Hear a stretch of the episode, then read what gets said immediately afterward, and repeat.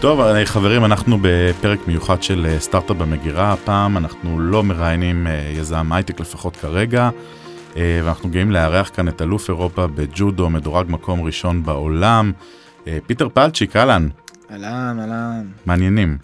מצוין, כיף להיות פה. כיף לי לארח אותך, וגם רועי פה איתנו. ערב טוב, לכבוד הוא לי. אז קודם כל, באמת במילה מקדימה, מה פתאום אנחנו מראיינים את פיטר, אה, בכל זאת עוסקים ביזמות טכנולוגית, אה, אז אנחנו החלטנו באמת לפני אה, כמה חודשים כמגזין טכנולוגי ללוות את פיטר בדרך לאולימפיאדה, כי אנחנו מאמינים שיזמים בעולם ההייטק צריכים לעזור לתחומים אחרים שמייצגים את המדינה ואני חושב באמת אישית שהעמידה שלך על הפודיום באליפות אירופה במקום הכי גבוה שאפשר מייצגת את מדינת ישראל לא פחות מאקזיט אה, של, אה, של סטארט-אפ טכנולוגי, אם לא יותר. למרות שאתה יודע, יוסי, שאני יכול לקחת בצורה מאוד ברורה את התכונות אופי של יזם, את הנחישות, את, החד, את החדירה למטרה, את העקשנות בדרך, לכל התהליכים שפיטר עובר. חד משמעית, אני לגמרי מסכים עם זה, ואנחנו הולכים לחפור בזה בדקות הקרובות. אה, אז אה, קודם כל פיטר ברוך הבא באמת זה מאוד מרגש והיה מאוד מרגש לעקוב אחריך בתקשורת זה היה בכל מקום אז נראה לי שאנחנו ננסה להביא את הסיפור אה, באמת קצת אחרת אז קודם כל אם נדבר בשפה שלנו ברכות על האקזיט אחי. כן אה, זה באמת מרגיש ככה כאילו זה זה אקזיט קטן אבל. אני אני חושב על האקזיט הגדול. האקזיט הגדול טוקיו 2021 כן. תשמע זה באמת אה, אה, אם אנחנו באמת אה, ככה מלבישים את זה על, ה, על, על העולמות שלנו של יזמות טכנולוגית אז אתה הקמת לפני 24 שנים בערך סטארט-אפ שנקרא פיטר פלצ'יק ג'ודוקה מראשון. ואתה עכשיו כותב כל מיני פירות בדרך אבל זו הייתה תקופה מאוד משוגעת השנה האחרונה. התחלת להגיד שאני כאילו 20 ומשהו שנה מאז כאילו אה, הקמתי את החברה אם אנחנו עושים את באמת ההגבלה והמטאפורה לעולם לעולם הטכנולוגי. אבל אה, אני חושב שדווקא אנחנו נדבר על זה בטוח אבל דווקא כאילו מה, מהבחינה שלי אני פתחתי חברה חדשה אחרי אה, ריו אחרי באמת שנפצעתי אחרי שככה הייתי עם חצי רגל בקבר ברמה של הקריירה ברמה המקצועית וכאילו משהו שם, חל שם איזשהו שינוי בתפיסה שלי ומבחינתי כל מה שהיה עד אותה נקודה מבחינתי מת ברמה כזאת וכאילו אני הרגשתי שאני ממש נולד מחדש ומבחינתי אני גם כאילו מנסה טיפה להדחיק את זה ברור שזה מטענים ומשקעים שאני סוחב איתי אמ, ברמה מסוימת אה, זה נותן לי אפילו אה, כוח והרבה מאוד עוצמה ביום יום שלי. ברגעים מסוימים אה, גם במהלך יום קרבות מאוד מאוד ארוך קשה ומתיש אני מעלה אה, זיכרונות וככה זה גם אה, מחבר אותי לנקודות הכאב האלה וזה גם מה שנותן לי המון המון מוטיבציה אבל ברמה היומיומית ברמת האימון שלי ברמת ההתנהלות שלי אני חי נושם ג'ודו בצורה אחרת לחלוטין ממה שהיה עד אותה נקודה עד ריו. ו... אז בואו רק נחבר את האנשים שלנו כן. שאולי לא בהכרח אה, מכירים את, אה, את עולם הג'ודו אז בעצם החמצת את אה, אולימפיאדת ריו כי אה, תשעה חודשים לפני זה נפצעת פציעה קשה. נכון אה, מה שקרה בעצם אה, אה, אם אנחנו ניקח עוד טיפה יותר אחורה אה, התחלתי בתור ספורטאי צעיר אה, ככה זכיתי בתואר סגן אלוף אירופה. שאגב זאת אה, מדליית הכסף היחידה ואנחנו נדבר ניגע, ניגע בנושא הזה אה, יש הרבה מאוד משמעות למדליית ארד כסף וזהב אה, כמובן. אז זאת, זאת מדליית הכסף היחידה שיש לי אה, בקריירה ובאמת ככה אחרי התואר הזה הדרך הייתה אמורה להיות אה, סלולה ככה בביטחון עם הרבה מאוד אה, אה, ככה דברים חיוביים פתאום קיבלתי מלגה פעם ראשונה שאני מקבל אה, שכר 500 שקל. טירוף. מדהים. מה עשית עם כל הכסף? אה, קודם כל גם לקחו מס מזה לא לא שכחו. ברור ברור לא כן. חשבנו אחרת. כן אז ככה מדינת ישראל עוזרת. אמ, אבל אבל באמת זה ריגש אותי כי באמת בפעם הראשונה קיבלתי אה, שכר על משהו שאני עושה על ה... לקבל בעצם הכרה לא כן. זה אתה מקבל הכרה על זה שאתה טוב. זה, אתה מקבל איזושהי חותמת שאתה ספורטאי מקצוען כאילו באמת. אתה, אתה, אתה ציינת מקודם אה, לפני ה- שהתחלנו להקליט שאתה מתאמן אה, בקרוספיט אני בטוח שהאימונים שאתה עושה הם לא פחות חזקים מהאימונים שאני עושה. אבל זה לא המקצוע שלך. אז באמת לקבל את הכסף הזה לקבל את המלגה הזאת מהמדינה זה, זה פתאום איזושהי חותמת שאתה ספורטאי מקצוען וזה באמת אה, משהו שהיה לי רגע מכונן כזה. אז דווקא אחרי זה אה, אני חווה ככה איזושהי חבטה אני נפצע מאוד מאוד אה, אה, חזק בברך אני קורע את הרצועה הצולבת האחורית אה, פציעה גם מאוד מאוד נדירה ברמה כזו שלא לא ידעו אפילו אם לנתח אותי פה אה, בארץ או בחול. אה, ואני נזרק לקרשים אני יוצא מהמסגרת של, נבח- של הנבחרת אני מקבל החלטות מאוד מאוד אה, אה, משוגעות כאלה פתאום אני לוקח פיזיותרפיסט מחוץ למסגרת של הנבחרת וכל החלטה בעצם מוציאה אותי יותר ויותר אה, מה. אה, מהחלום האולימפי שלי מה, מה, מדרך המלך שהייתה אמורה להיות אה, סלולה בביטחון. ופתאום אני נזרק לאיזשהו לופ כזה ש... שמכריח אותי גם אה, להתחיל לעבוד אה, בכל מיני עבודות מזדמנות כי כאילו אני כבר לא בלופ של, ה... של, אה, של העולם האולימפי. אני מתחיל לעבוד uh, בקיוסק השכונתי בסופי שבוע אני מתחיל לאמן ילדים uh, לאמן אותם ג'ודו ושומר בר בלילות. ונגרר ככה במין עננה אפלולית כזאת uh, יותר ויותר ובלי מוטיבציה מתאמן uh, ברמה של המועדון 3-4 פעמים בשבוע ג'ודו. ועד איזה רגע באמת uh, גם כן רגע מכונן שאני פוגש את אורן סמאג'ה המאמן שלי באחד הלילות בבר. הוא מגיע מנתניה. גם סיפור הזוי היום שאני מכיר את אורן אה, אחד האנשים הכי קרובים אליי היום אני יודע שאי אפשר להוציא את הבן אדם אה, החוצה אפילו אחרי טורניר שאנחנו עכשיו אה, זכינו אליפות אירופה אין אפילו אין לא דרינק לא כלום בן אדם בונקר. אז משהו גרם לו באותו ערב לנסוע חצי מדינה ולהגיע דווקא לאותו מקום בראשון פגישה ככה מאוד מאוד גורלית הוא קורא לי חזרה לנבחרת הוא. הוא מ... הוא מ- מגיע ל- ל- כן, לבר שאתה כן. מאבטח בו ו- עם- עם ונתקל חברים. בך אני אני מניח שהיה פרצוף אה, הלום קרב. שתינו כן קודם כל שתינו היינו עם אותו פרצוף אה, הוא לא ידע שאני עובד בלילות הוא לא ידע שאני בתוך הדבר הזה. שוב אני לא אתה יודע אני לא מזלזל בשום עבודה באמת אני גם אתה יודע נהניתי מאוד אה, לעשות דברים שהם טיפה שונים אבל זה לא דברים של ספורטאי אולימפי. שספורטאי שחולם על מדליות אולימפיות על אה, אליפויות אירופה אליפויות. עולם צריך לעשות אין ספורטאי צריך להתעסק אך ורק בספורט במקצוע שלו ולחיות את זה לנשום את זה בדיוק כמו יזם שרוצה לעשות אקזיט שרוצה להצליח בגדול. בדיוק זה. ואז אני התעסקתי בהמון המון דברים אורן בא קורא לי לחזור לנבחרת אני חוזר לנבחרת אני מוצא ככה את המוטיבציה אני מדליק את הלהבה מחדש אבל ויש פה אבל מאוד מאוד גדול אני עדיין לא מתנתק מכל הדברים האלה אה, מסביב. אתה לא אה, טוטאלי. אני לא טוטאלי בדיוק. אני לא מתמסר עד הסוף. למה? כי כנראה לא האמנתי בעצמי אה, ככה אני תמיד אה, מדבר על מולקולות בגוף כאילו מה, ממה אנחנו בנויים והיום כל מולקולה כאילו היא כמו חייל קטן שמתפקד למטרה ולמשימה. אז באמת לא לא האמנתי בכל רמ"ח איבריי ב- באמונה שלמה שאני, שאני יכול לעשות את זה שאני יכול להביא מדליה אולימפית. והחלום שלי היה עד אותו זמן רק לסמן וי. רק להשתתף באולימפיאדה כאילו הייתי למרות שעדיין התעסקתי בהמון המון דברים תחשוב שגם לנסוע לתחרות גם להוריד 7-8 קילו הייתי נמצא בקטגוריה עד 90 קילו היום אני עד 100 קילו.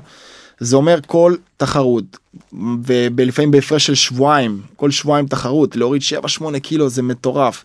אז להוסיף לזה כל מיני פציעות קטנות של, אה, של תשישות, אה, תוסיף לזה המון המון אה, לילות שאני עובד בבר, אני עובד בבר, מסיים בארבע בבוקר, נוסע לווינגייט כדי לחסוך את הפקקים בבוקר אה, באיילון, יושן ב- ברכב כי לא מגיע לי חדר, לא מגיע לי שום דבר כזה, אני לא ספורטאי בסגל.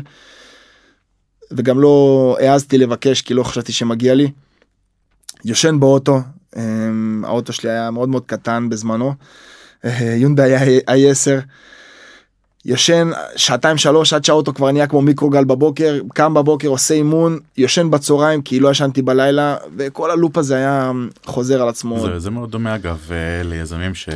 שהם אה, רוצים לצאת לדרך והם לא בטוחים במאה אחוז הם לא all in הם לא יכולים באמת להיות all in אז הם עובדים בבוקר, אה, יוצאים אחרי, אחרי שעות העבודה, יושבים, מתכנתים עוד איזה 3-4 שעות, מנסים ליצור איזשהו משהו, מנסים לחפש את את הנקודה הזו שאתה בטוח בעצמך, ואז ללכת להתפטר. אה. אז באיזה, באיזה שלב התפטרת? באיזה שלב אמרת להכל, זהו. אז זהו, אז uh, השלב הזה הגיע טיפה יותר מאוחר, שככה התחלתי לגרד עדיין נקודות אולימפיות, כי באמת, uh, תשמע, יצאתי לדרך הזאת עם קבלה מסוימת. אני סגן אלוף אירופה עד גיל 21, זה משהו שאי אפשר להתכחש אליו, אני יודע מה אני שווה, אני יודע איזה יכולות יש לי, אני גם קיבלתי את הפידבקים האלה מהסביבה, אורן לא סתם אמר לי באותו ערב, תחזור אתה- לנבחרת. כן, תחזור לנבחרת, אתה ספורטאי עם פוטנציאל. אז כל הפידבקים האלה מסביב, וגם היצר התחרותי שלי, וגם התחושות שלי הפנימיות, כאילו, עדיין כיוונו אותי אה, קדימה, וכן רציתי לעשות את זה. אז אה, ניצחתי פה, ניצחתי שם, עמדתי על הפודיום אה, פעם ב... כל אולי כל טורניר שישי שביעי שלי ברמה כזאת כאילו כמה הפסדים חוויתי. אז הצלחתי לגרד ניגוד אולימפי ונהייתי מדורג משהו כמו 31 2 30 משהו כזה בעולם אה, באולימפי וככה התקרבתי לקראת הקריטריון האולימפי 22 הראשונים בדירוג האולימפי נכנסים אה, בדירוג העולמי נכנסים אה, אה, לאולימפיאדה וככה התקרבתי התקרבתי והרגשתי שעוד רגע אני עושה את זה עוד רגע אני אני בתוך האולימפיאדה אני יכול להגיד לכולם הנה עשיתי את זה אני אני אני משתתף אני ספורטאי שהולך להיות להשתתף באולימפיאדה. ושמונה תשעה חודשים לפני המשחקים בריו אני נפצע פציעה מאוד מאוד מאוד קשה בסין אני נלחם ברבע הגמר מול יריב מונגולי. אמ, הפרשי הרמות היו כנראה אמ, ברורים. היריב הוא ככה אלוף אולימפי מהאולימפיאדה הקודמת ספורטאי מאוד מאוד חזק הוא עושה לי איזשהו תרגיל ככה מסוכן על הכתף ו...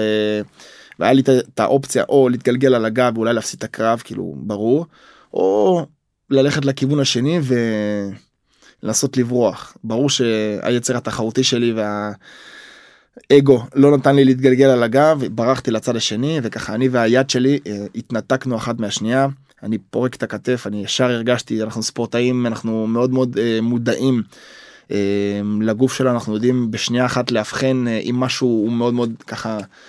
אה, לא בסדר. כן כן אם, אם הנזק הוא רציני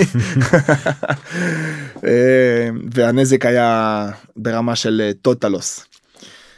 תגיד, זה היום בהסתכלות אה, לאחור, פיטר של היום היה מוותר?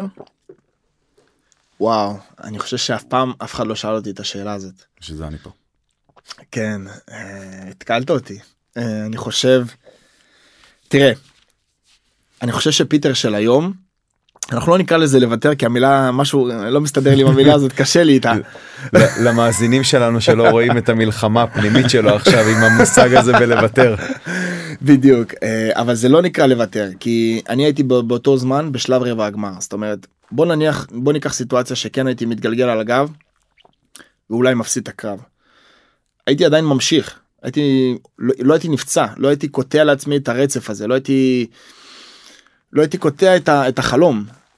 עכשיו אני לא אני אף פעם לא מתחרט על שום דבר שעשיתי בחיים שלי. כל מה שעשיתי תמיד אה, אני אני מקבל באהבה גם אם זה דברים פחות טובים ו, וקרו המון המון דברים. כל דבר הביא אותי לנקודה שבה אני נמצא היום. אבל אני חושב שאם אם עכשיו אתה לוקח אותי לאותה סיטואציה מתגלגל על הגב לא לא מסכן את עצמי אפילו לא זה לא שווה את זה.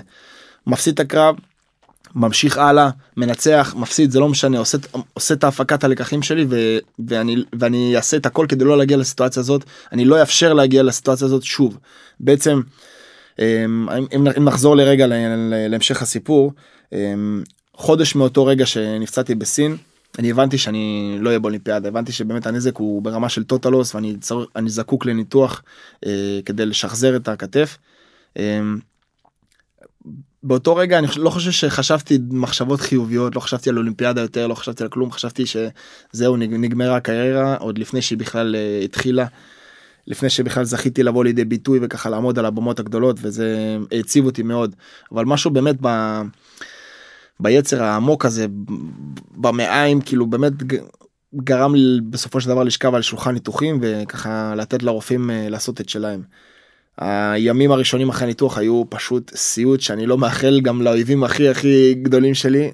זה פשוט היה נורא לא הצלחתי להירדם לא הצלחתי לישון. אה, הכאבים גם תמיד באים בלילה נכון יש קטע כזה כי בלילה יש פתאום שקט אתה לא מדבר עם אף אחד אתה רק עם עצמך ופתאום הכל הכל צף כל הכאבים הכי הכי נוראים בדיוק באים ברגע הכי פחות uh, שאתה מצפה לו. בלילה השלישי הייתי כל כך עייף שפשוט נראה לי התעלפתי וכשזה קרה חלמתי חלום חלמתי שאני עומד על במה הכי גדולה בעולם בעולם הג'ודו בעולם הספורט על, על פודיום באולימפיאדה. ואני זוכר שלא ישנתי הרבה אבל כשהתעוררתי. היה לי פתאום היה לי מין הערה כזאת אני לא יודע אם זה קורה גם uh, ליזמים ובאמת אנשים uh, בעולם הטכנולוגיה אני מניח שכן כי זה מרגיש אותו דבר. היה לי הערה כזאת ידעתי שבתוך כל העננה האפלה הזאת שאני נמצא בה המון המון שאלות אני לא יודע אם אני אצליח לעשות את השיקום שהוא תשעה עשרה חודשים על אם אני אצליח להחזיר את הכוח לחזרה לכתף אם אני אצליח. תשמע הייתי צריך לשנות את כל את כל מהלכי הג'ודו שלי את כל מהלכי הקרב אני בלי ל, ל, ל, להיכנס יותר מדי לפרטים אבל באמת כל ספורטאי יש לו את העמידה הימנית השמאלית התרגילים הדומיננטיים ואני הכל כל העמידה שלי וכל המהלכי קרב היו לצד לצד ימין. ופתאום כתף ימין שלי זקוקה לשיקום אני צריך להפוך את כל המהלכי קרב שלי זה ללמוד ממש מאפס את הכל מחדש. אז באמת עם כל השאלות האלה מסביב ידעתי את התשובה לשאלה הכי הכי חשובה ידעתי שאני הולך אה, להגשים את החלום שלי אבל הפעם אני עושה את הדברים בצורה שונה אני הפעם אני מתמסר בכל רמה חבל הרי אין אין חלקיק בגוף שלי שלא יהיה ממוקד מטרה. ואם אנחנו מדברים באמת על יזמים שבתחילת הדרך אני החלטתי החלטה שבאמת אני מתנתק מכל העבודות המזדמנות שלי. אפס שקל זה היה ההכנסה שלי אפס אפס שקלים וזה היה בסדר כי אני התייחסתי לעצמי כאילו אני מקבל 100 מיליון דולר. ככה התייחסתי לעצמי אני אמנם מקבל בבנק אה, הבנק אוכל את עצמו אוכל, כן. זה לא עניין אותי אני ידעתי שכשאני אגיע. אה, ב mindset שהצבתי לעצמי בראש אני ידעתי שאני שאני אעשה את זה. וזה באמת היה שינוי התפיסה כשעשיתי את השיקום שלי לקחתי תשעה חודשים בגלל זה גם הגדרתי את עצמי לידה מחדש זה ממש הרגיש לי כמו לידה מחדש. אמ, כשנכנסתי לעונת התחרות החדשה של 2017 סיימתי כבר מדורג בעשירייה הראשונה בעולם. ותראו איזה כאילו אנחנו מדברים על uh, הקדנציה הקודמת שהייתי 30 וקצת וכל כך התרגשתי וקפצתי על הגגות וחגיגות. פה אני כבר בעשירייה הראשונה בעולם um, ככה uh, מכוון מטרה עם uh, עם אג'נדה ברורה שאני הולך uh, להביא מדליה אולימפית מדליה עדיין עוד לא עוד לא עוד, לא, עוד לא מדברים על הצבע כן אבל כן כבר יש הצהרת כוונות. אה, המשפחה שלי רצו בסוף השנה הזאת המשפחה שלי רצו להגיע לשדה תעופה לחגוג את המדליה מדליית הזהב הראשונה שלי בטורניר הגרנד פרי משהו שמאוד אה, היה ריגש את כולם. אמרתי אף אחד לא בא לשדה אף אחד לא חוגג לא בלונים לא שום דבר תנו לי להישאר עם הרגליים על הקרקע אני דוהר קדימה. ו- וזהו ומשם פשוט זה הדברים התחילו להתחבר לי בצורה בדיוק כמו שתמיד חלמתי. בסופו של דבר אני, אני ככה מנסה ככה להעביר את זה למקומות שלנו אני חושב שההחלטה באמת אה, להיות all in של, אה, של יזם היא באמת אה, מהמקום הזה של ה... שיש איזושהי אמונה שאתה הולך לעשות את זה הרי יש את כל הסיבות למה לא אני מניח שגם שגם אם, אם נפתח את זה פה עכשיו כל הסיבות למה לא לעסוק בג'ודו. אני חושב שאנחנו נמצא יותר מה לא בדיוק. מאשר מה כן. אבל בסוף יש לך איזשהו משהו בראש איזשהו איזושהי תמונה שאתה מדמיין אתה מדמיין אותך על הפודיום בא, באולימפיאדה במקום הנכון אה, ויזם שיוצא לדרך הוא מדמיין יש כמה תמונות שאפשר לדמיין, כן, אה, מנכ"ל של חברה מאוד גדולה, הוא מדמיין את האקזיט המטורף, את המכירה לחברה אה, בינלאומית ענקית או, או דברים כאלה, וזה נותן את ה drive הזה ב- לעשות את כל ההקרבה, את כל מה שבאמת אה, קורה בדרך. לחדול.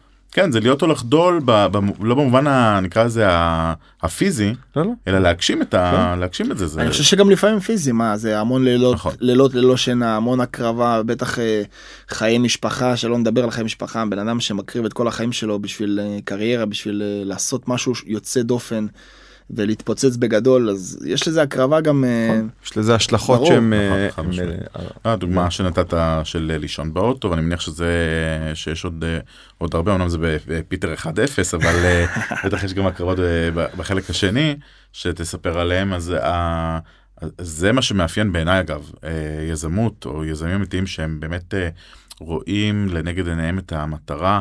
אגב, ברור לי שיש מלא fun בדרך, כן? יש fun, יש ירידות, יש עליות, יש uh, כאבים, uh, וזה נכון לגבי שני התחומים. אין, אין איזה עם שבסוף, אני תמיד אומר, יש את התמונה המגניבה שמפרסמים בדה מרקר, uh, וכולם מספרים איך הכל היה מדהים, ואז הם ישבו, והם ישבו אצלו בבית, והיה מוזיקה, והם תכנתו את החיים. אף אחד לא באמת יושב ומדבר על הפיצוצים המטורפים כשיש אי הסכמות, ועל כישלונות בגיוס כסף ו, ויש אה, באמת אה, אה, מלא פעמים שאתה שואל את עצמך מה, מה אני עושה מה אני עושה פה. ויש לך דוגמה לכזה יש היה לך מאז מאז אותו ניתוח והפיטר 2.0 יש היה שלב שישבת או עמדת מול המראה או אמרת לעצמך what the fuck אני יכול לעשות מלא דברים אחרים או שאין לך את זה. תראה היה לי את זה יותר מדי פעמים עד אותו רגע ובאמת אה, כשהחלטתי את ההחלטה שקיבלתי והתמסרתי all in הפעם אז אה, אני יכול להגיד לך שמספר הפעמים שזה קרה אני יכול אולי לספור אותם על יד על שתי ידיים או על יד אחת אפילו. אבל כן ברור שזה שזה מכה בך לפעמים ברור שלמרות כל ההקרבה ולמרות כל האימונים הקשים ובאמת ההתמסרות הטוטאלית אה, אתה עדיין חווה את זה. אמ, אני יכול להגיד לך שהיה לי רגע כזה באליפות אירופה האחרונה שלי בעצם לפני שנתיים. אמ, זאת אליפות אירופה האחרונה שהתחרתי שנה שעברה אה, הקרבנו את אליפות אירופה למען אליפות עולם וזה גם גם על זה אנחנו נדבר. אה, אז אליפות אירופה הקודמת שלי אה, אני בא ברמה הכי הכי כאילו מוכנות טוטאלית גם פיזית גם מנטלית אני אני בא סופר דרוך סופר מוכן להביא את האליפות הזאת וזה היה חשוב לי מאוד בגלל שזה היה בארץ זה הפעם הראשונה שיש אליפות אירופה בארץ אז כל הקהל הישראלי שלנו מגיע לי לעודד אותנו ואתה לא רוצה לאכזב אף אחד אתה רוצה יש לזה הרבה מאוד חשיבות דווקא לעשות את זה פה. וככה אני מצליח להיכנס לתחרות בצורה טובה אה, יום יום אה, מאוד מאוד חיובי מנצח קרבות מגיע לשלב חצי הגמר ככה מתחיל אה, להרגיש את זה מגיע ופתאום קורה מצב שאני לא רק מפסיד את הקרב אלא אני גם נחנק ואני שרוע ככה כמו גופה על המזרן מול כל החמשת אלפים צופים הישראלים ביניהם גם אימא שלי שזה הקרב הראשון שהיא ראתה אי פעם בלייב. מה זאת אומרת? לא הקשבת לרעיון איתה בבוקר. לא הקשבתי היא לא מגיעה, היא לא מגיעה, לא, לא. היא לא מגיעה לקרבות שלך. כן, באיזשהו שלב בילדות אה, סבא שלי הוציא לה צו הרחקה.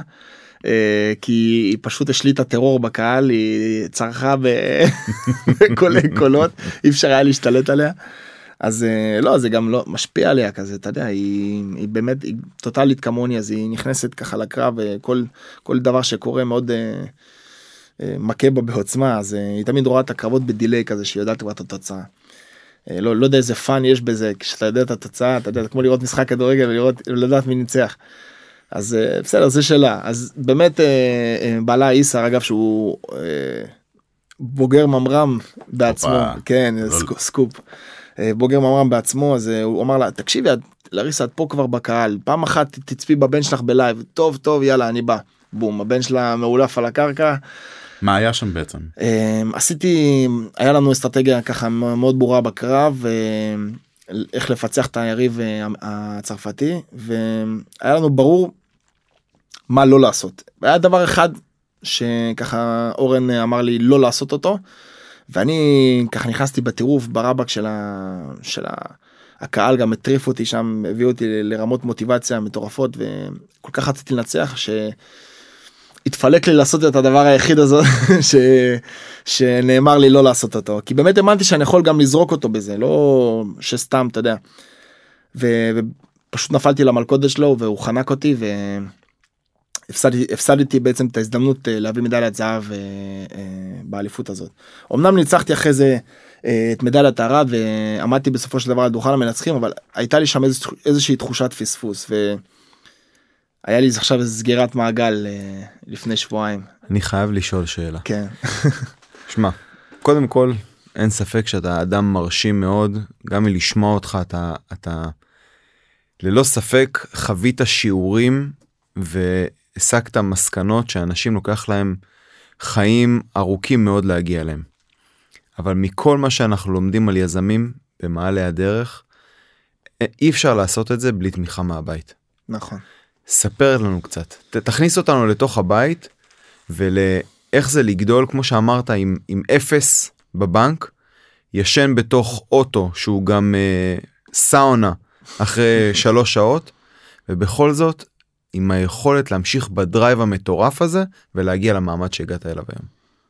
אז קודם כל באמת ברגעים הקשים שלי כשעשיתי את הניתוח והייתי צריך לעשות את השיקום המאוד מאוד ארוך הזה בשנת 2016. אה, אני נתמכתי אך ורק על ידי אה, דניאל אה, שהייתה עוד חברה שלי עוד עוד עוד לא התחתנו ובאמת באות, בהמשך אותה שנה יצאתי לנישואים והתחתנו. וגם כשהתחתנו אגב היא שילמה את המקדמה לניתוח. זה תמיכה עד הסוף. כן כן ו- ואם אני אספר לכם סיפור ככה שאני לא מספר אותו בדרך כלל אבל אני מרגיש שזה ככה רגע יפה ואולי אה, אותו רופא גם אה, ישמע את הפודקאסט הזה וככה זה הזדמנות טובה לפרגן לו. הרופא שניתח אותי אז אה, באותה, באותה, באותם שנים גם לא התנהלתי נכון אה, מחוץ אה, למזרן גם ברמה אה, של ביטוחים וכאלה דברים כאילו לא היה לי שום ביטוח לא היה לי שום דבר. אה, לא היה לי כסף לניתוח הזה זה ניתוח של איזה 30 אלף שקל. זה זה זה זה המון המון כסף בשבילי. עכשיו אני הלכתי לניתוח בידיעה כאילו שקופת חולים אה, סגרה לי את הפינה הזאת. אני ממלא את כל הטפסים הכל כאילו אה, רופא מרדים הגעתי ממש לשלב של יום לפני הניתוח אני יושב עם הרופא המנתח שלי דוקטור עוז הדר. והוא אומר לי טוב חביבי מי מי משלם לי על הניתוח אני אמרתי לו מכבי.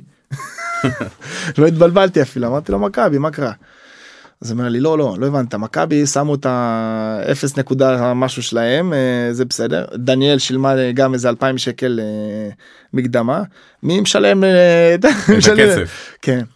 ואני פתאום הבנתי כאילו עד כמה אני עד כמה אני לא בעניינים ועד כמה אני חסר כאילו אמצעים וחסר ידע והבנה ובדברים האלה וכאילו שהגעתי פשוט לא מוכן בלי בלי כלום. אני והוא יושבים ככה כמו שאנחנו יושבים עכשיו.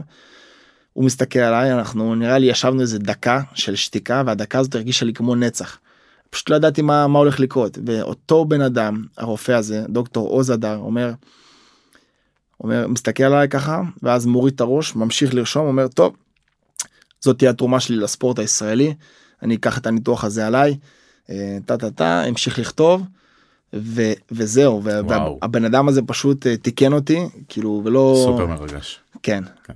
זה זה מטורף זה מטורף בעיניי ונפגשנו אחרי כמה שנים נפגשנו אחרי אליפות אירופה אחרי אותה אליפות אירופה שזכיתי בערד. על, הגעתי אליו למשרד הבאתי לו ככה איזושהי מתנה קטנה ממני אה, הוא, הוא כמובן זכר אותי וחיבקתי אותו אמרתי לו שהוא הציל לי את החיים וזה באמת אה, הלוואי שאני אוכל אה, לעשות בשבילו משהו ש... משהו הוא בעצם שאולי אה, טיפה תראה, זה, זה בעצם נתן לך את, ה, את התמיכה בנקודה שהכי היית צריך אותה בשביל, כן. בשביל להזניק משם. זה, זה די מטורף. אני לגמרי. חושב שזה אחד הדברים שבאמת אולי הכי אני אני אישית הכי אוהב ב, באקוסיסטם הישראלי הזה שבין יש נקודות אנחנו אומנם ציניקנים והרבה פעמים אנחנו חארות ו- והכל אבל באמת בנקודות משבר כאלה תמיד מוצאים את העוגנים האלה תמיד את האנשים האלה שנמצאים שם בשביל אה, נכון זה לעזור. קורה גם כל כך מהר כאילו כן. הח- החיבור הזה יש משהו בסולידריות הישראלית. אה, נכון שהלוואי והיא לא רק בעיתות משבר אבל אה, זה כבר ל- ל- לס- לשאת פודקאסטים אחרים לא קשור הטכנולוגי.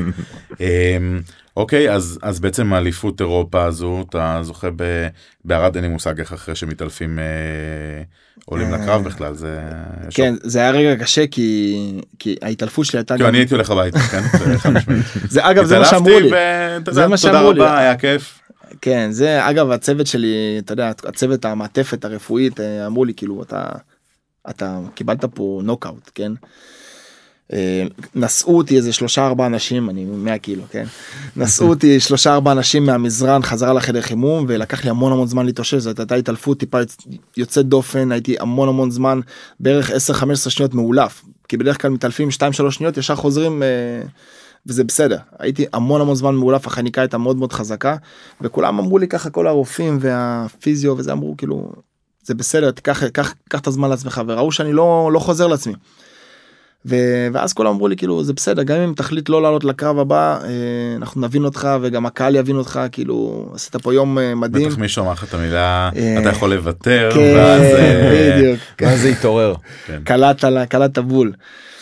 אבל אורן אה, ידע שאני לא שאני לא אוותר והוא אמר לי הוא אמר לי את הדברים הנכונים כדי שבאמת יציתו מחדש את הלהבה הזאת וזה קרה בן רגע.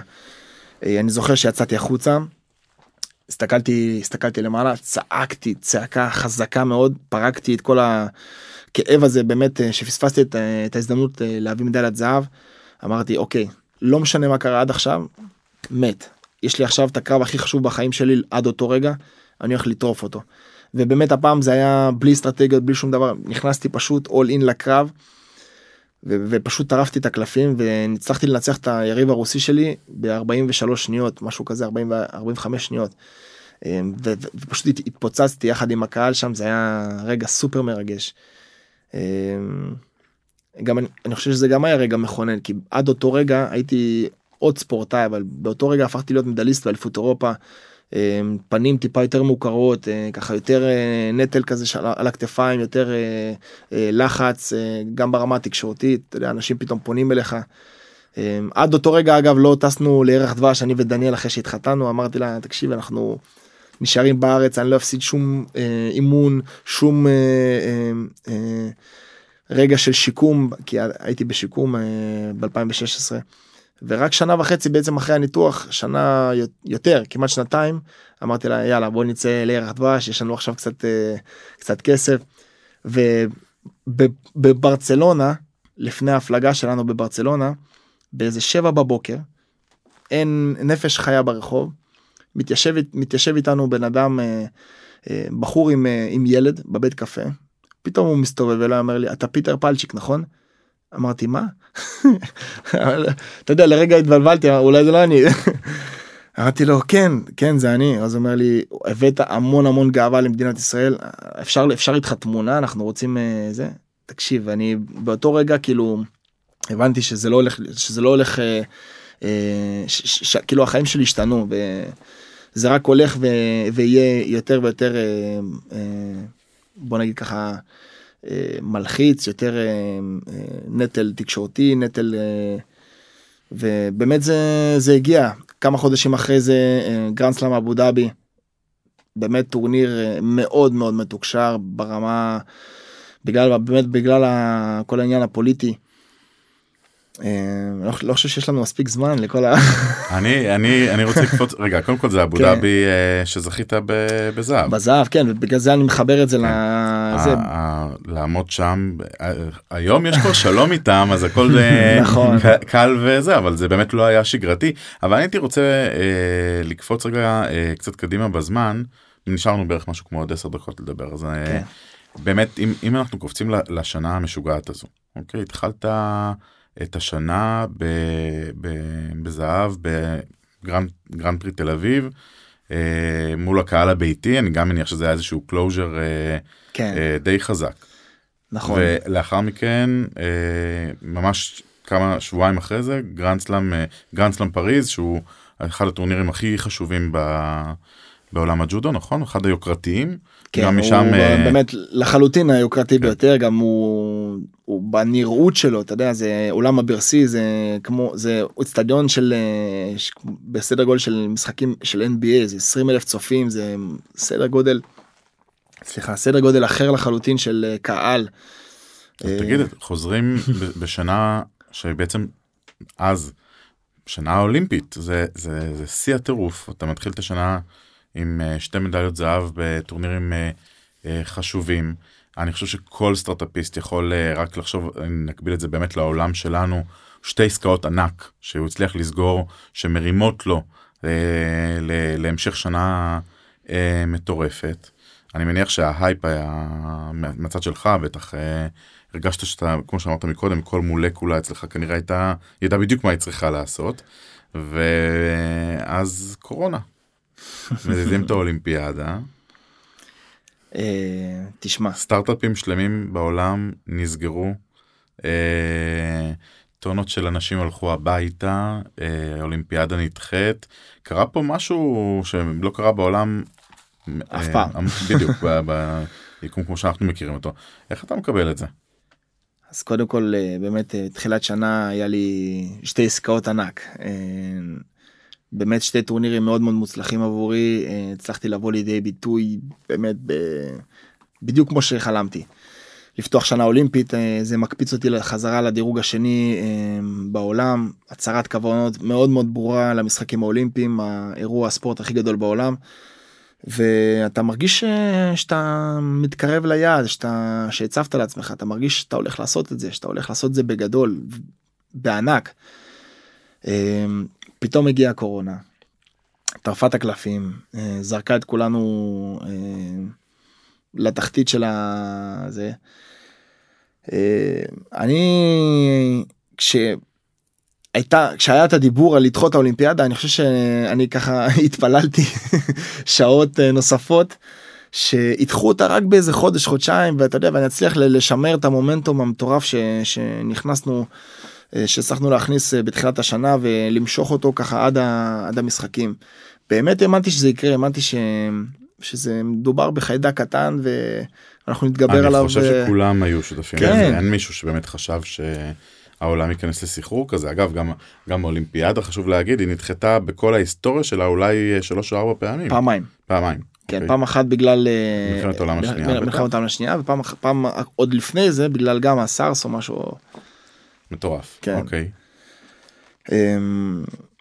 זה מטורף אז באמת אמ, קיוויתי שידחו אותה כזה בחודשיים שלושה ו- ועדיין זה יהיה במסגרת ה-2020 ו- ונצליח לשמר את המומנטום ופתאום ההודעה הרש- הרשמית של הוועד האולימפי העולמי בום 2021 עוד שנה. ואז אה, מה זה ככה- עושה למוטיבציה? הייתי בדיכאון כאילו יום שלם פשוט אמרתי לה אף אחד לא מדבר איתי דניאל גם לא התקרבה אליי אף אחד לא התקרב אליי ככה הסתגרתי עם עצמי ו... וחשבתי כאילו רבאק אני באמת כאילו עשיתי קמפיין אה, מאוד מאוד מאוד מוצלח אה, מבחינתי הצלחתי לטפס במדרגות אה, בצורה מאוד מאוד יציבה כאילו לאט לאט כל הזמן. אה, אתה יודע יש נפילות ויש אה, זה זה כמו גרף כזה של אה, מניה אנחנו תמיד מדברים על מניה בבית אגב זה ביטוי של דניאל אני השקעתי במניה שאף אחד לא האמין תכלס. אז יזמית. היא, היא באמת יזמית לגמרי, כן לגמרי. היא משקיעה יותר נכון, היא משקיעה. יותר גדול מיזם. בדיוק. אז היא כל הזמן אומר לי אני השקעתי במניה הזאת שאף אחד עוד לא האמין בה אז אם אנחנו מדברים על מניה אז כמובן כל מניה יש לה את הירידות הקטנות האלה לאורך הדרך אבל אבל השאלה מה אם, אם המגמה. אתה מסתכל בדיוק אם אתה מסתכל רגע מחוץ ל... על, מבחוץ על הגרף אתה, אתה רואה את המגמה עולה ועולה ככה בצורה מאוד מאוד יציבה אז זה באמת ככה היה נראה הקמפיין שלי החדש מאז ריו עד uh, טוקיו ו... ואני אומר לעצמי כאילו מה כל זה לחינם. מה יקרה עוד שנה אני לא יודע מה יקרה עוד שנה כאילו בספורט אה, במיוחד בספורט כמו ג'ודו לא משנה אם אתה אלוף אירופה אלוף עולם מדורג ראשון בעולם אה, אלוף אולימפי. שנייה אחת של חוסר ריכוז ואתה הולך הביתה. שנייה אחת חצי שנייה. אף אחד לא מבטיח לך שום דבר אתה יודע באתלטיקה בשחייה כל ספורטאי פחות או, יודע, פחות או יותר יודע אה, איפה הוא עומד יודע מה התוצאה שלו זאת אומרת אם באימונים אתה עושה 10 שניות 100 מטר אז בתחרות אתה יכול לשפר ולרדת מ-10 ל-9, 9, 9, 8, 9, 9, 7, אתה, אז נגיד דירוג 7, 8 באולימפיאדה, אתה יכול לעלות ל-6, 5, אולי אם אתה מטורף ביום הזה. אתה לא יכול לעשות מדליה. עכשיו, זה יש, יש פה חסרונות ויש פה יתרונות. בג'ודו, באמת מישהו שהוא גם out of nowhere ונכנס, אתה יודע, בדלת האחורית לאולימפיאדה בשנייה האחרונה, יכול לעשות את האקזיט ביום הזה ולטרוף את הקלפים ולזכות מדליית זהב זה קרה. זה קרה עם ספורטאי איטלקי ב-66 קילו הוא נכנס בשנייה האחרונה תקשיב ביום האולימפי באולימפיאדת ריו, ב, ב, בריו הוא היה נראה שהוא 10 רמות מעל כולם משהו ב, משהו ביום הזה כאילו התח, לו. התחבר לו והייתה לו הגרלה הכי קשה כי, כי הוא היה לא מדורג. אז, אז זה מה שיפה בג'ודו וזה מה שיפה באולימפיאדה לאולימפיאדה תמיד יש חוקים משלה והכל יכול לקרות אז. אז אף אחד לא מבטיח לך שום דבר בטח שלא בראייה לטווח רחוק של עוד שנה וחצי מאותו רגע של התחייה. אז באמת אה, ככה חוויתי איזשהו יום של דיכאון והייתי מכונס לתוך עצמי אבל יום אחרי קמתי ואמרתי זה לא זה לא פיטר אני לא אני לא מתנהל בצורה כזאת אני אני קם ואני מחליט מה אני הולך לעשות. אני הולך לבנות לוז. אז בהתחלה היה את הסגר אה, כולנו היינו סגורים בבית אמרתי אוקיי מה אני יכול לעשות בבית? אז בניתי אה, מתח בניתי חבל הבאתי משקולות. יצרתי לעצמי איזושהי סביבה ספורטיבית משהו שאני רגיל אליו במטר אה, ברדיוס שלי של הכמה מטרים בתוך הבית. ואז אתה יודע עשיתי אימון בוקר עשיתי אימון ערב איזשהו יזמתי איזשהו פרויקט מאוד מאוד uh, מגניב uh, שככה שיחות מוטיבציה עם ילדים uh, במועדוני ג'ודו ובכללי בני נוער בכל הארץ דיברתי עם איזה 5,000 ילדים בטווח של איזה שבועיים שלושה זה היה משהו כזה. זה נתן לי המון המון מוטיבציה איך, כאילו איך אפשר איך אפשר ממקום ש, שהרגע גדעו לך חלום ו, ושינו לך את כל התוכניות אחרי 24 שעות לקום בבוקר וללכת לדבר עם 5,000 אנשים ולתת להם מוטיבציה. פתאום שאתה אומר את זה ככה זה נשמע קצת איך זה הגיוני? זה נשמע מוזר. אני לא יודע יוסי אני לא יודע להגיד לך את האמת אני פשוט רגיל לחיות בווליום מאוד מאוד גבוה של עשייה. ואני אני פתאום כש... שזה נקטע לי והרגשתי ש... שלקחו לי את זה הייתי חייב להחזיר לעצמי את זה בכוח. אז באמת אה, יצרתי את הסביבה הזאת והייתי חייב להמשיך להיות בהילוך מהיר כזה בקצב גבוה אה, של עשייה אז אם זה באמת אה, להתאמן וליצור לעצמי את האימונים כמובן בשיתוף פעולה מלא עם הסגל של הנבחרת והמאמנים והכל.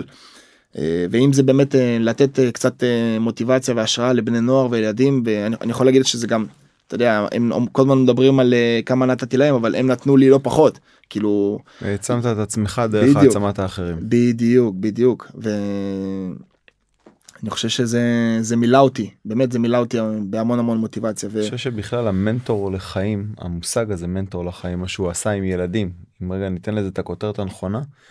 היא היום אולי אחד הדברים הכי חשובים בתקופה הזאת הנוכחית שיש להם הרבה חוסר ודאות ובעיניי אתה עדיין לא מבין כמה נתת לאותם ילדים זה בעיניי משהו מדהים.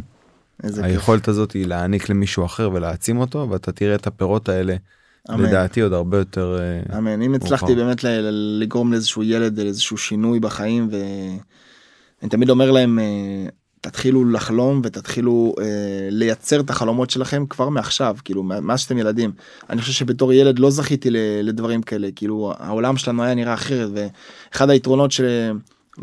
בעולם שלנו אנחנו נמצאים בו היום שהכל מאוד מאוד נגיש ילדים מדברים איתי באינסטגרם כאילו אתה יודע יש, יש בינינו קשר מאוד מאוד ישיר ומאוד uh, מאוד מעניין אז uh, אני חושב שזה באמת uh, אחד היתרונות uh, שיש לעולם ולטכנולוגיה לתת לדור הבא. תגיד אנחנו אנחנו ממש לקראת סיום אפילו לא דיברנו בכלל על אליפות אירופה אבל נכון אבל נשמור נשמור לאליפות אירופה דקה אוקיי uh, הזכרת את אינסטגרם. אני חושב שאולי אחד הדברים שמאפיינים אותך זה הנוכחות הדיגיטלית שלך והקשר שאתה מדבר עליו שילדים היום מרגישים בנוח לפנות אליך.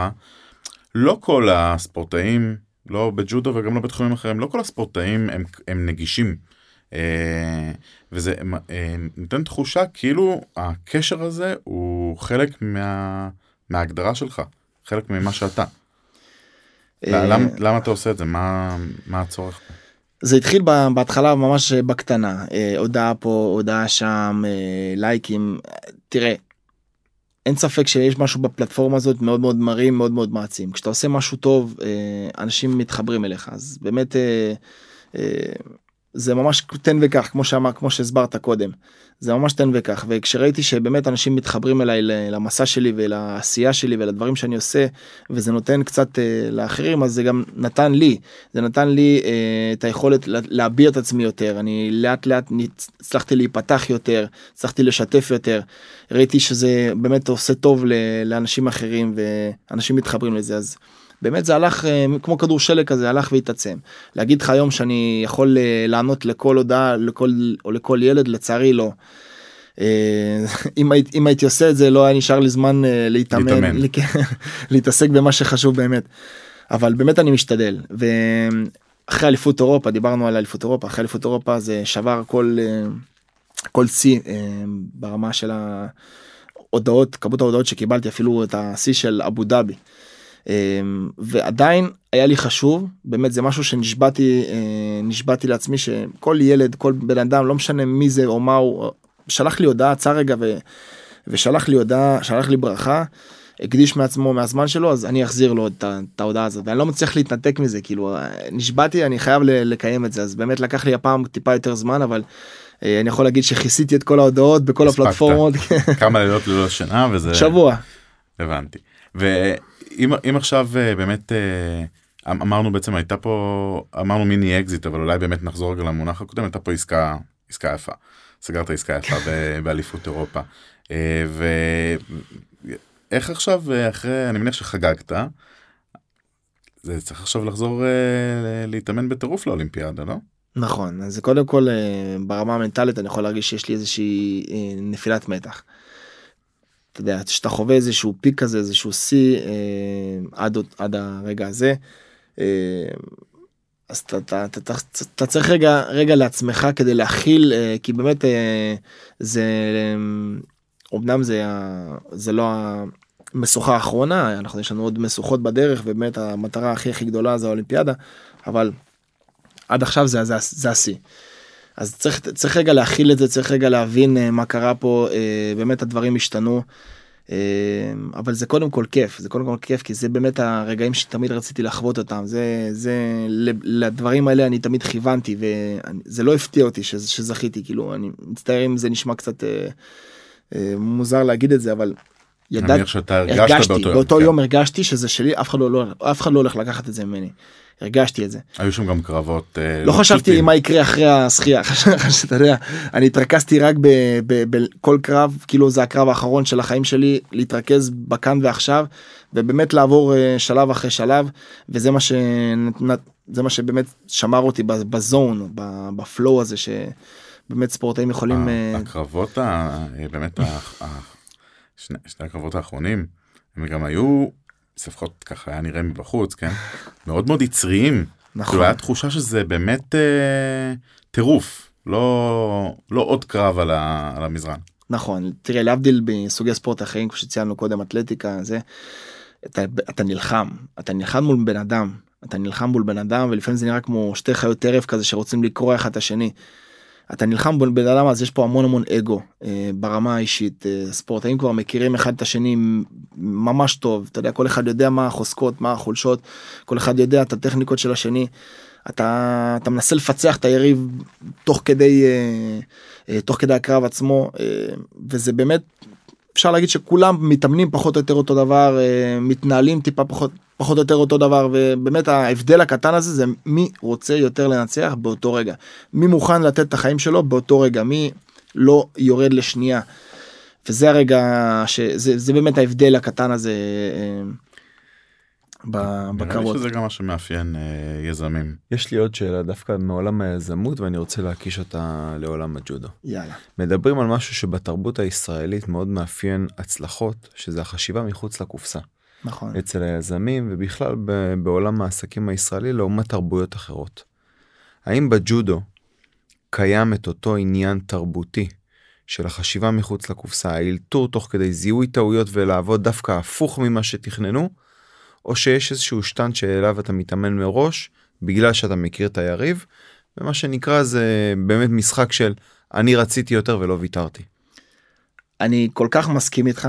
אה, באמת זה זה היתרון הכי חזק שלנו כישראלים אנחנו יודעים אה, אנחנו יודעים א' לא לוותר לעצמנו אנחנו עם ש, שידע מלחמות ויש יש משהו מאוד מאוד לוחמני בתרבות שלנו גם אז אה, זה זה דבר ראשון ודבר שני באמת כמו שאמרת החשיבה מחוץ לקופסה. ה- ה- ה- לדעת לאלתר ולדעת לאלתר בצורה חכמה קבלת החלטות צריכה להיות מאוד מאוד מאוד חכמה ומאוד נכונה ויעילה ברמה של מאית שנייה. אה, בוא, בוא נדבר רגע על הקרב האחרון ש, ש, שזה בלט בצורה הכי אה, ברורה לדעתי. בקרב האחרון האסטרטגיה הייתה אה, שבנינו באמת עם אורן סמאג' המאמן אה, המאמן שלי היא לנטרל את הרוסי ולשלוט בו בכל רגע נתון בקרב לשמור על המרחק ממנו כי היריב הרוסי רק חיכה אה, להזדמנות לחבק אותי ולהצמיד אותי אליו ולזרוק אותו הוא מאוד מאוד פיזי אה, וזה באמת היתרון הכי גדול שלו הוא מסיים הוא מסיים את הקרבות שלו ברוב הפעמים בדקה הראשונה דקה שנייה כי הוא מתפרץ כזה אז הכוח הכוח עדיין טרי. אז אה, אמרנו אנחנו נטיש אותו נשמור על המרחק ו- ונשלוט בקרב כל הזמן. וכל הקרב במשך ארבע דקות אני אני מצליח לעשות את זה בצורה טובה ואני שולט בו מזיז אה, מתיש אותו. ואורן כל הזמן אמר לי לא לא להתחבר לא להתחבר. לא להתחבר. ובעצם איז, ב, אם אנחנו מדברים אה, לא במונחים של ג'ודו סוג של אה, הרדמתי אותו גרמתי לו לחשוב שזה הולך להיות זה הולך להיות האסטרטגיה שלי. וכשזרקתי אותו דווקא החלטתי לי כן להתחבר איתו. פשוט הפתעתי אותו הוא, הוא לא היה הוא, הוא לא, הוא לא ציפה לזה כי מבחינתו זה- זה לא זה לא הקו המנחה ודווקא כאילו החשיבה מחוץ לקופסה באותו רגע באותה שנייה קבלת החלטות ש, שהחלטתי לבצע זה כן להתחבר דווקא כן אה, להפתיע אותו במשהו אה, חושב שבמקום שהוא חושב שהוא חזק בו. וזה זה, זה, זה היה הרגע שלי כאילו זה זה מה שניצח את הקרב. בדיוק בדיוק. ו... זה זה בדיוק מתחבר למה שאמרת החשיבה מחוץ לקופסה כאילו לעשות משהו שאף אחד לא יצפה לו. פיטר, מה מאחלים לך? אה, אני רוצה כל כך הרבה דברים אני חושב שהדבר הכי חשוב זה באמת אה, בריאות במקצוע שלי אף אחד לא באמת בריא. עכשיו איפה שלא תצביע כואב אז באמת אה, רק בריאות וזה גם כשאני הולך לכותל אני הולך מדי פעם אתה יודע אני בן אדם לא יכול להגיד דתי אבל אני כן רוחני וכשאני שם פתק בכותל אני תמיד מבקש כזה בריאות אה, לי אה, ולכל האנשים ש, שאני אוהב מסביבי. אז שרק שנהיה בריאים. אז אני, אני מאחל לך בריאות, אני מאחל לך שתשמור על, ה, על הלהבה, ואני מאחל אמן. לך באמת אה, הצלחה בכל הטורנירים אה, עד החשוב מכולם. אה, וזה היה פרק ארוך, אבל לדעתי, האישית לפחות, האובייקטיבית, מרתק. אה, ואנחנו שמחים אה, באופן כללי בסטארט ישראל, ואמרתי את זה גם בהתחלה, שמחים ללוות אותך בדרך הזו. אז אנחנו גם מבקשים אה. רעיונות בהמשך הדרך, אנחנו ככה נשמור את הסלוט הזה. אני חושב היידה. שמי שהקשיב לפרק הזה היה יכול לקחת המון, המון לעולם היזמות, רק מלשמוע אותו מדבר.